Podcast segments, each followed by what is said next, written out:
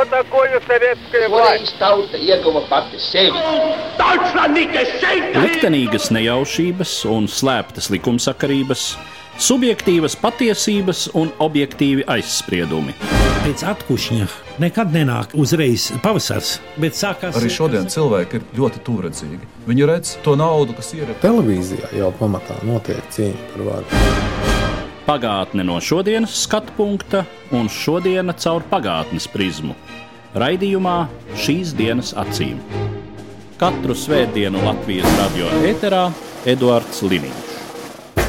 Labdien, cienījamie klausītāji! Šodien izskan otrā daļa no sarunas, kas veltīta režisoram, dramaturgam un sabiedriskajam darbiniekam Pēterim Petersonam, kura dzimšanas simtā gadsimta apritēja 24. maijā. Mana sarunbiedre, teātras zinātniece Ieva Struka. Mūsu sarunas pirmā puse izskanēja pagājušo svētdienu, 11. jūnijā. Mēs varam tikai uh, provizoriski spriest, cik Pēterim Petersonam tomēr bija sāpīgi tas, ka viņam, uh, jūtoties visnotaļ spējīgam un gatavam, ir jāpamet šis teātris mākslinieckā vadītāja, tad galvenā režisora amats.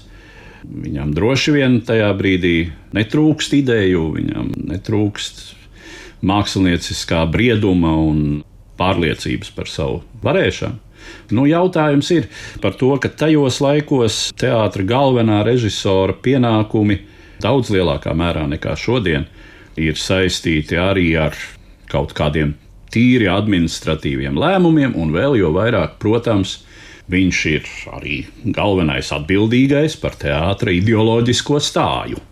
Tā laika totalitārisma sistēmas ietveros. Tas ir Brežņeva varas laiks, tas ir nosacīts, sakot, samtains totalitārisms, kurš neiznīcina tūkstošus, miljonus, bet uh, atsevišķu cilvēku likteni tas nežēlīgi lauž. Un, uh, Tāds aizlauzums ir Petersona aiziešana, vai, nu, pareizāk sakot, viņa aizraidīšana no Dailas teātra. Tas stāsts skar mani mazliet personiski arī, jo tas, kuram nākas pārņemt teātra vadību, māksliniecisko vadību no Pētera Petersona, bija mans tēvs, režisors Arnolds Liniņš. Sakot no savām atmiņām, no savām bērnības atmiņām, tas, kā Petersons bija no šī teātra padzīts, bija atstājis diezgan smagas pēdas visā teātra kolektīvā, jo bija daudz tādu, kuri pamatoti izjūta to netaisnību, kas Petersonam ir nodarīta. Un uh, tuvākais, no kura varēja piedzīt zināmu atbildību, bija jaunais vadītājs. Tātad Liniņš, kurš ir atnācis vietā. Teātrī ir diezgan liela daļa aktieru, kuri uzskata, ka viņi daudz labprātāk būtu strādājuši joprojām Pētera Petersona vadībā. Ko mēs šodien pusmūžā varam pateikt par veciem notikumiem? Bet Pirmkārt, es domāju, ka tas droši vien ir diezgan dabiski teātris mikrovidei, ka viens režisors ir tuvāks otriem otrs, un ka tad vienmēr tiek meklēta kaut kāda vainīga, ja situācijā, kura varbūt varēja tikt atrisināta citādi. Bet, Tik cik es savulaik pētīju šo režisoru maiņas faktu, ka, protams, tur ir sava veida personiskas aktivitātes no dažu vadošo aktieru puses, tostarp Vijas Ārtmanis, lai mēs nerunātu pilnīgi abstrakti kura kaut kādā mērā tika pabīdīta malā, dodot iespēju darboties varbūt lielākā tādā amplitūdā Dinai Kuplē un arī Ausmē Kantānē. Bet ejot cauri visam tam teātrim repertuāram, nu, protams, nav arī tā, ka Vjārtmana nebūtu spēlējis lomas, viņa būtu spēlējusi mazāk to lomu, kuras viņa būtu pati vēlējusies. Un skaidrs, ka viņa bija izcila personība un varbūt eh, radusi lielākā mērā ietekmē teātra procesus nekā tas tika pieļauts Petersona laikā. Bet tomēr nedrīkst aizmirst, ka Petersona dēls teātris jau nav šis dēls teātris, ko mēs atceramies brīvības ielā, jau zinām, ar tūkstošu vietu zāli, tas ir daudz mazāks Latvijas ielas teātris. Un, ja zāles daļā iestudēm bija pustukšas, tad tā, protams, bija arī objektīva problēma. Tas nebija tikai kaut kāda aktieru iekšējo intrigu rezultāts. Un, pustukšas kāpēc? Es domāju, ka nav runa tik daudz par Petersona pašiestudējumiem. Runa ir par tiem cilvēkiem, kas iestudē izrādes paralēli viņam. Un tā ir principā galvenā režisora prasme izveidot, kas tad strādā vēl bez tevis, kas ir tie režisori, kam tu uzticies, kāpēc tu uzticies tieši šiem. Un kļūdīties vienmēr var vienu reizi noteikti katrs, bet nu, droši vien ir kaut kādi priekšnoteikumi, pēc kuriem bija daudz lielāka vērība arī jāvēlta tam, kas tad notiek blakus taviem inscenējumiem. Un tas acīm redzami arī nenotika. Un tam droši vien ir simts un viens iemesls, jo neviens jau nemēģina kaut kā speciāli nogramdēt teātri vai nepareizi vadīt. Bet ar to es tikai gribu pateikt, ka tā situācija jau samilza objektīvi. Tas nebija tikai negadījums vai intrigas. Bet uh, arī no šodienas viedokļa, starp citu, es domāju daudz vairāk par kādu citu lietu. Gan manā grāmatā, gan vispār teātrī vēsturē ir tiešām atzīmēts un daudz uzteikts fakts, ka Adolfs Šapīro jaunas teātrī deva iespēju Petersonam strādāt. Bet šodien man jau gribētos saprast, kādi bija tie apstākļi, kāpēc, teiksim, Pēteram Petersonam, it sevišķi pēc spēlēs spēļu panākumiem, netika rasta iespēja nodrošināt, teiksim, štata vietu kā štata režisoram. Tāda iespējamībai teorētiski tāda varēja būt. Arī tam droši vien ir iemesls ļoti iespējams, ka tāpat ir ministrijas vēlme, lai tā nebūtu. Bet es to arī tikai ar šīs dienas izpratni par visu to teātrus procesu kopumā domāju, ka ļoti iespējams tāda vieta varēja būt. Jo viņš iestudēja gal galā spēlēs pāmanu un mistēriju par cilvēku, un tad itin drīz salīdzinoši sako bastards un pilnvārs istabiņa, bet lūk, starp šiem iestudējumiem jau ir ilgāki laika pārāvumi, un visticamāk tāda varēja nebūt. Kas to zina, lai gan jāsaka tā, ka arī jebkuram teātris savukārt galvenajam režisoram ņemt pie sevis štatā kā vienu no vai, vai otro režisoru. Tādu personību kā Pēters Petersons, es pieļauju, kā, ja mēs runājam kaut vai par Adolfu Šapīro. Iespējams, ka bija arī zināmas bailes, vai arī vienkārši bažas par uh, tīri personiskām attiecībām. Visādi var būt. Šodien liekas, bet kāpēc šī piedāvājuma iestudēt nesakoja ar īsākiem laika intervāliem? Un arī par to es teiksim, varbūt tādā pavisam jaunībā rakstot, uh, neaizdomājos. Bet patiesībā tas ir interesants jautājums. Bet nu, tā tad pēc aiziešanas no Dailas teātra, kas ir 70. gadu sākums, tad Pēters Petersons turpina periodiski iestudēt. Un faktiski laikam uh, ir tā, ka savas lūgas viņš visas iestudē vispirms pats. Nu, sākot no tiem 70 gadiem, jā. jā. Sākot no bastarda. Kas, manuprāt, arī ir viņa tie spilgtākie, izcilākie, tad savukārt dramaturgijas darbi. Tikai muzikants, bastards, meteors. Nu, mirdzošais, tumšs zilais. Un mirdzošais un tumšs zilais, kas atkal ir mana personiska atmiņa, un tas ir 1987. gads kad ar šo izrādi Pēters Petersons zināmā mērā atgriežas Dailas. Jo Dailas teātrī viņš 70. gados un 80. gadu pirmajā pusē neiestudē neko. Un tā tad ir jaunatnes teātris, ir toreizējais drāmas, tagadējais nacionālais, bet ne Daila. Un tā tad ar mirdzošo un tumšu zilo, tas ir 87. gads, tas ir faktiski jau trešās atmodas sākums. Tad viņš šo savu uzrakstīto lūgu iestudē. Tā ir visautobiogrāfiskākā no viņa lugām un tāds viņa mākslinieka manifests. Lai gan tikai muzikants arī ir ļoti augsts. Es tikko gribēju teikt, jā, tomēr jau tā. jā, tā tas ir par jaunību, par mm. kurzemes katlu, bet, nu, teiksim, tā jā. teātra pieredze visplašākajā nozīmē. Nu, tā teātra izjūta, es un teātris, ko tas man vispār nozīmē. Ko tas vispār nozīmē būt teātris māksliniekam? Man jāsaka, man Petersona dramaturgija ir ļoti tuva. Tas, kas man šķiet vislielākā vērtība, un arī varbūt žēl, ka tiek reti iestudēta, jo nu specifiska, tiešām nekuram katram režisoram. Bet eh, tas, kas man šķiet, ka tādā ļoti patīkamā proporcijā ir patiešām eh, dziļš ētisks patos, un tajā pašā laikā tāda tomēr viegla ironija turklāt tas kokteilis man šķiet ļoti baudāms. Nu, starp citu, es domāju, ka arī te vēl tāda nevajag nokārt galvas, jo latviešu lugām nu, tiešām tā atsimedzot mūsu mazās tautas dēļ ir tā specifika, ka ļoti, ļoti, ļoti reta latviešu luga piedzīvo otro un trešo iestudējumu. Un, un, un principā to burvju apli būtu labi pāraut un kaut kādā ziņā tas ar priedes darbiem ir noticis tās kaut arī reti, bet uh, tiek iestudēta. Šodien to dara jauni režisori. Tāpēc es domāju, ka tam pat nav.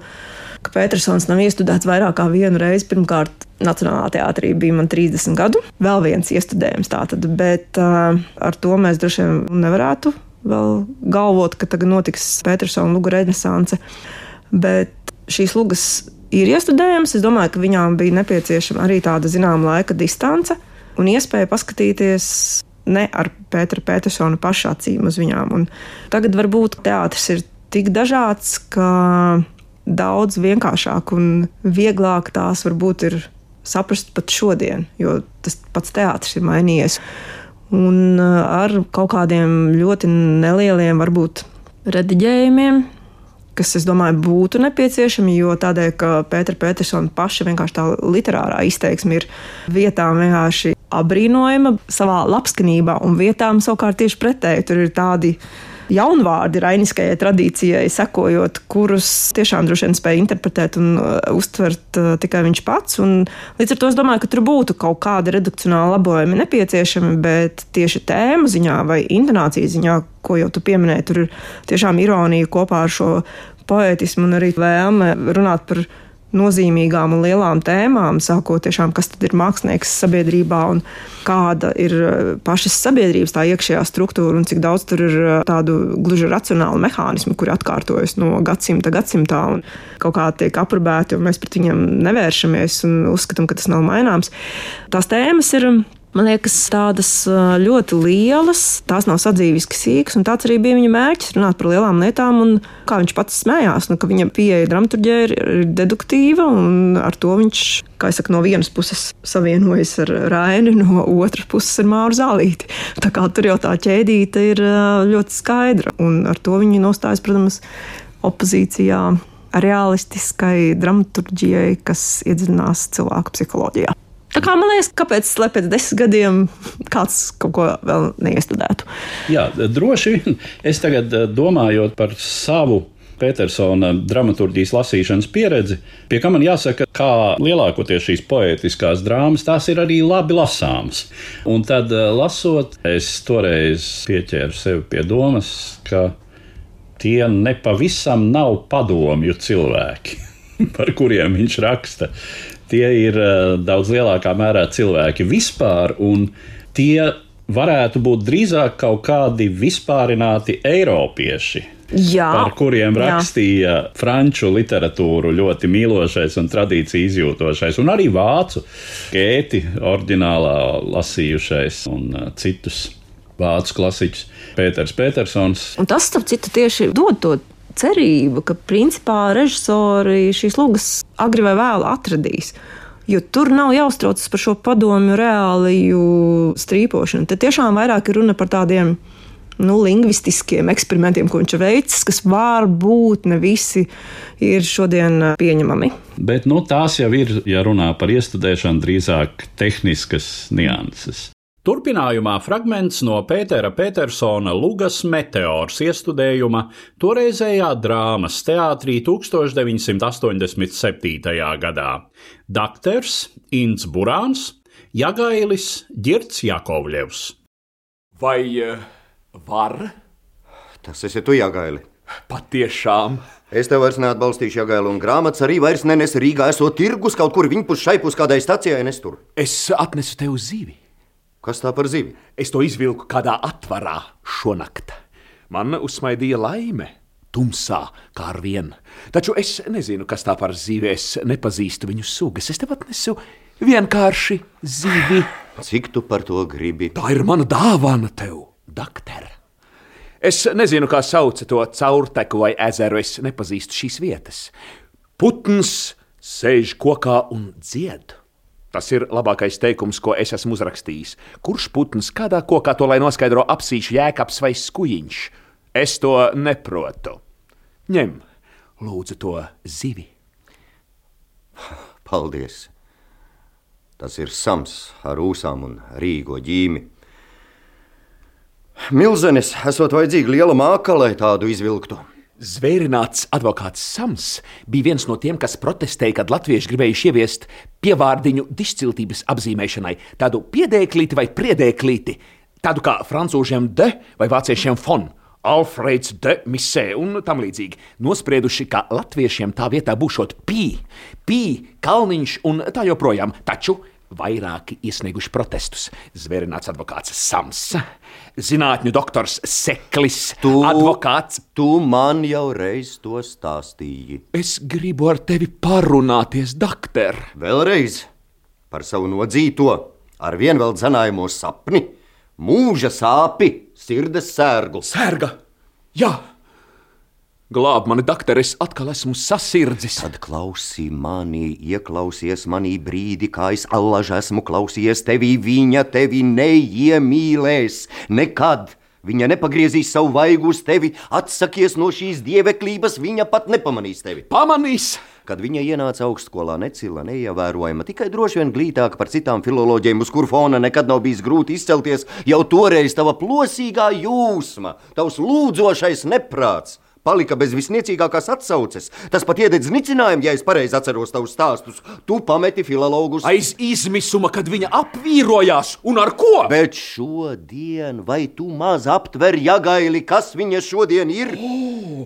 Es taču nepazīstu viņu, bet es redzu šo ainu, jo Melis man bieži stāsta. Vai tu, vai tu tiešām vēl ne mūžam neesi redzējis Vivianu? Nesmu. Jā, viņa ir dieviete. Manējā, un visas pilsētas arī. Viņas apceres piesātināts kā mirru eļļa, spriedumi smalkie un spožie kā žiletes. Viņas māja, zeltmutis, modests, laulens, tālredzīgais aiz muguras. Viņas salons, vaska figūru muzejs, slavenību osta, un vēl neatklātos spīdekļus viņa paceļ no savas pakājas notrauštiem niecības sūvējumu un palaiž pa savu loku, kur tie riņķo ap viņu kā ap esības asi. Jā, viņa ir dieviete!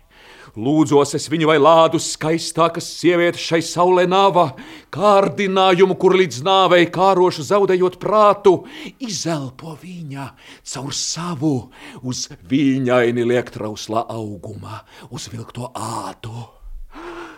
Palīdzi sirdzējam, doktor, tu to vari un proti, palīdzi vaidam, un es aizrāpošu līdz viņas pakājai sagumstot gaidās. Jā, gaili, skumjais draugs. Doktor, es tev kaut ko lūkšu. Naudu jaunām drēbēm. Nē, liekas. Nonēsātas drānas es tev lūkšu, nederīgas. Tā kā kailais lūdz zirņu dobēs praustā krustā kārtu cauru svārku. Tā kā paklīdenes pievāc sētmelē izmestu matraci, atspērēm atļukušām, nekaunēdamies no svētlaimības savas. Put, put un sēž kokā un dzied. Tu pats sevi nepazīsti. Cik bilžaini tu runā, kad nonāc pie vajadzības? Jā, man vajag doktor. To, ko es pats nemūžam, bet tu to dari par roku galam un tev nevajag. Tu taču rakstīji agrāk. Ah. Tu par to vājību. Tās ir blēņas, jā, gaili. Neauglīga piepūle, kas atmesta, un atmiņā ir palicis kaut kas smieklīgs, tāda kā lokomotīva, kas ir izgājusi no sliedēm. Spārda smilti, tvaiko gārdas, nekustēdamās. Es tai apdzēsu ogles kurtuvē. Tu esi augsto žogu cilvēks, tu pats sev novīji visaugstāko un pāri tam tu nepārkāpsi nekad. Dod man kaut ko no tā nocenotā. Otrreizējai pārstrādēji. Nu, kādu uzmetumu vai pametumu, kādu melnraksta skribulu vai kopijas nekļūdību. Es ātrāk aptveršu, pielabošu, pārveidošu, pabeigšu. Es uh, zinu, ko vajag, bet man nav ar ko sākt. Dodiet man atbalsta punktu, planētu es pacelšu pats. Man ir fantāzija, bet man trūkst vielas. Tukšums ir manī atsaucīgs tukšums, ideju vākums. Svied tajā kaut pēdējo palieku. Tu gribi iemēģināt roku rakstniecībā, panākt kaut ko pateikt? Pa tādu ceļu pelēks un izmocīts būs tavs ražojums. Bet uz bāla fona tur kļūst redzams pat pelēkais. Es taču lasu, es skatos, nav nekā. Viens drosmīgs teikums, un tevi ievēros. Un tad? Mans jāgaili un tad? Un tad? Jaunas mokas un jauns izmisums tur viņas pakājē, ja tu aizrāpos līdz tajā ar kādu pusadzītu sacerējumu palīdzību. Nē! Tur man pacels vai nāvēs kāds noslēpums. Pasaka mīts, ap viņu tas stīgo un strāvo kā smalkā kā zirnekļa zīts. Pasaka? Jā, leģenda. Līdzība teika, kas māca mūs izsvaimē māna par zeltīti karaļa meitu, par princesi Turandotu. Es arī to pasaku, protu par valdnieci Viviānu. Tu arī to pasaku zini. Trīs mīklas, trīs mīklas tev princese dod, un ja tu tās neatmini, tad lūpā vai mēlē sev ko tev galvu, tev galvu cērt nost. Bet, ja tu trīs atbildes rodi, no kakla tev atraisa valgu par balvu, par balvu, par algu, tev princese sevi dod. Es arī to pasaku, protu. Tā māca mūs izsvejai māna par zeltīti turandotu un Viviānu. Stāv soģis ar virvi, stāv bende ar cirvi, es gribu tur bāzt savu galvu tai cilpā vai ešafotā, un kas to var pasakīt kā? Vecgada spainī krīt alva, varbūt, ka man nenokrīt ne sarsmats, ne pūka, ne spalva, un varbūt kā turandotā, kā balva kā balva man krīt. Runājot par Pētera Petersona mūža pēdējo posmu, tas ir aktīvs, tas ir eh, saistīts ar sabiedrisko darbību. Viņš vienu brīdi ir Rīgas Latviešu biedrības priekšsēdis, viņš pat nedaudz darbojas politikā, kļūstot par Rīgas domes deputātu. Nu, viņš ir visai kategorisks bieži vien savos spriedumos, un tur, eh, protams, no viņa skatu punkta droši vien, eh, kas arī starp citu viņa dramaturgijā parādās, nu, tie 90. gadi ar eh, saimniecisko nesakārtotību, ar formēšanās stadijā esošo arī brīžiem visnotaļ haotisko, pretrunīgo Latvijas politiku kur uh, visi mācās saprast pēc būtības, kas ir nauda, kas ir uh, kapitalistiskas attiecības vispār. To cilvēki Latvijā ir aizmirsuši. Toties nekādi negrib aizmirst, kas ir blata attiecības un šis padomju attiecību mantojums. Nu, tas viņam, protams, bija vēl viens pārbaudījums ar kuru viņš visnotaļ uh, tika galā, kas arī liecina par viņa personības vērienu. Viņš nav no tiem dažiem kultūras mākslas darbiniekiem, kur tajā jaunajā realitātē kategoriski nespēja iedzīvoties. Viņš savu vietu atrod. Jā, un tiešām paldies arī tiem, kas pieaicina viņu strādāt kā pedagogu, jo Mārcis Čimels kursam ir vislabākās atmiņas par viņa kolorītajām nodarbībām. Un arī manai teātris pieredzē tā ir viena no spilgtākām izrādēm. Roberto Zuko, ko viņš iestudēja kā diplomu darbu ar to brīdi pavisam jaunajiem aktieriem. Bet, ja mēs runājam tā par 90. gadiem, tad uh, cita starpā, protams, ka neviena paša vārda ir ļoti, ļoti arī īpatnēja luga, kas bija iestudēta jaunajā Rīgas teātrī. Un kur spilgti tieši izpaudās gan tas simbolisms, gan arī tāda sociāla satīra un tā viņa prasme ieraudzīt kopsakarības tajā, kas notiek haotiskajā Latvijas ikdienā, ir apskaužama. Tur patiešām ir uh, līdzās galveno varoņu mīlas stāstam, jeb attiecību stāstam, ir tāda satīra par Latvijas klubu klanu un vēl visādi cita veida finansiālu grupējumu veidošanos. Un vienlaikus arī koris, ko viņš izmanto tur tradicionāli, kā praktiski visās savās lugās, šis koris apspēlē tiešām tādas neindividualizētas masas veidošanos, ka tas, ko mēs uzskatām, kas ir individualitāte un personība, ka tas bīstami pazūd tādās sava laika diktētās tendencēs, ko nosaka jau pat socializēšanās paradumi. Nu, labi, tajā laikā nebija gluži interneta telefonā, bet tā iegrimšana pageros, nu jau sen aizmirstajos. Un nespēja komunicēt tiešā veidā, bet tikai pastarpināt ar tehnoloģiju palīdzību. Viņš to ļoti eh, redzīgi nofiksē īstenībā pageri, kas bija nu, pat ne ziediņi, bet pumpuriņi. Jā. Salīdzinot ar to, kādos virtuālajos džungļos dzīvojam mēs šodien. Pēters Petersons aiziet no dzīves pēkšņi. Tā ir traģiska auto avārija, kurā gan viņš, gan viņa dzīves biedri iet bojā. 98. gads. Un, um, rezumējot mūsu sarunu, man šķiet, viņa gadījumā ir uh, arī tas retais fenomens, es teiktu, ka cilvēks ir vienlīdz spēcīgs gan kā dramaturgs, gan kā režisors. Jo šie abi talanti nu, ļoti reti sadzīvo. Jā, varbūt dramatizēt prózu, tas ir kaut kas viens, bet tur jau ir gandrīz vai tāds kā zināms antagonisms starp šīm divām profesijām. Cilvēks, kuram katrs vārds ir galvenā vērtība, un no otras puses cilvēks, kurš ar šiem vārdiem eh, vēlas brīvi žonglēt un, un rīkoties pēc saviem ieskatiem, arī īsinot un liekot akcentus un tā tālāk. Tavā uztverē Pētera Petersona talanta spilgtākās šķautnes un uh, arī nozīmīgākais viņa mantojums. Ja mēs ietu tā chronoloģiski, tāpēc ka mēs šo sarunu virzījām chronoloģiski, tad tomēr es laikam teiktu, ka tam bija izšķiroša nozīme, atklājot latviešu teātrim Gunāru Priedi. Un Einu zini, kā būtu viņu abu dzīve iegrozījusies. Es domāju, tas tomēr bija ļoti būtiski, jo ar to sākās tiešām cilvēciska dramaturgija, kur gluži nebija pakļauta tik uh, asai ideoloģijai. 1955. gadā viņš iestudēja jaunākā brāļa vasaru, tad uh, tas tiešām ir uh, revolucionāri savam laikam, jo līdz tam Lugas ir tāda akla sekošana Maskavas diktētiem noteikumiem, kā dzīvē būtu jāievieš sociālistiskā realisma ideoloģija. Un uh, līdz šim 1955. gadam tie ir tiešām tādi schematiski darbi, kur ir tapuši tāpēc, ka tie tiek pasūtīti, bet nevis tāpēc, ka tas ir kaut kāda tāda organiska izpratne par to, kā tad uh, šajā laikā vispār rakstīt. Un tad priede ienāk ar uh, pirmkārt savas paudzes portretēm un ar prasmi parādīt, ka ne visi cilvēki ir dzīvē veiksminieki, un ka ne visi neveiksminieki savukārt ir slikti cilvēki, un ka dzīve ir daudzkrāsaina un daudzplākšņaina.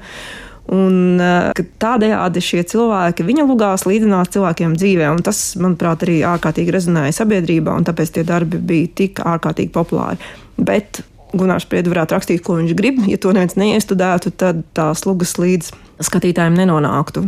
Un tāpēc tie pirmie viņu kopumā jau pat desmit sadarbības gadi, kas ietver sevī sešus spriedas darbu iestudējumus, tādā visas Latvijas kultūras kontekstā tas ir ļoti svarīgi. Tāpēc, teiksim, tādā chronoloģiskā aspektā, jā, es tomēr sāktu ar to. Nu, tad, protams, otrais nozīmīgais faktors ir šī poetiskā teātra radīšana. Un to es vispār uzdrīkstētos tomēr sadalīt divās daļās, jo viena lieta ir Petersona paša rakstītās lūgas, kas ir šādā stilistikā, un eh, kas iet faktiski cauri visai viņa dzīvei, un principā ar to mēs tikpat labi varētu noslēgt. Bet otra lieta ir jā, tā prasme. Čakā, Ziedonī, Maikovskī ieraudzīt to dramaturgisko potenciālu un no neatkarīgiem dzīsloļiem, dzīslas fragmentiem, krājumu daļām, izveidot savu suverēnu stāstu, par ko tagad es šobrīd necitēšu droši vien precīzi, bet Ziedonis arī noskatoties motociklu bija teicis, Es nezināju, ka tā var, ja, un ka tas varbūt ne simtprocentīgi ir mans, bet tas ir tik bezgalīgi interesanti un, un tik spilgti un mākslinieciski pārliecinoši. Un man liekas, ka tās ir tās divas šķautnes, kuras noteikti jāmin, ka viens ir Petersona paša teātris, un otrs ir prasme uzlikt dzēju uz skatuves, uzlikt tieši to dzēju, kas visvairāk rezonē patiesībā ar sabiedrību, un darīt uh, to jaunā, novatoriskā teātris estētikā. Nu, un trešā, es tomēr domāju, jā, ka šī sabiedriskā darbība, kur arī nevar novērtēt pa zemu, Un uh, tieši tādēļ, ka viņš bija arī tādā vecuma grupā, kad viņš vēl ļoti varēja aktīvi darboties, ka viņam izdevās būt vienam no, līdzīgi kā Oļģertam Krodram, kas savienoja šīs divas Latvijas. To, no kuras viņš bija nācis, ar to, kura veidojās no jauna un kurā nu, tomēr arī visos līmeņos, arī tieši tādā politiskā līmenī, vismaz publiski tiek postulēta kā iepriekšējās Latvijas turpinājums. Un to turpinājumu nevar veidot no zila gaisa. Bija nepieciešami šie cilvēki, kuri jau tad bija sākuši kaut ko darīt, teiksim tā, un kas varēja šo turpinājumu tādā dzīvā un personiskā veidā iemiesot. Teiksim, mana tā iespēja viņu pazīt bija manā dzīvē vērtīga tieši ar to, ka pateicoties viņam, pateicoties viņa māsai Annai Auzerei, pateicoties viņa labākajam draugam Jurim Staunam, arī man bija iespēja, esot daudz, daudz, daudz jaunākos gados, pieskarties tai Latvijai. Ar to mēs arī noslēdzam mūsu sarunu, kas bija veltīta Pēterim Petersonam kopš kura dzimšanas nesen pagāja simts gadi, un es saku paldies manai sarunbiedrei Pēter Petersona biogrāfijas un darbības pētniecei, teātras zinātniecei Ievai Strukai. Katru svētdienu Latvijas radio viens par pagātni sarunājas Eduards Liniņš.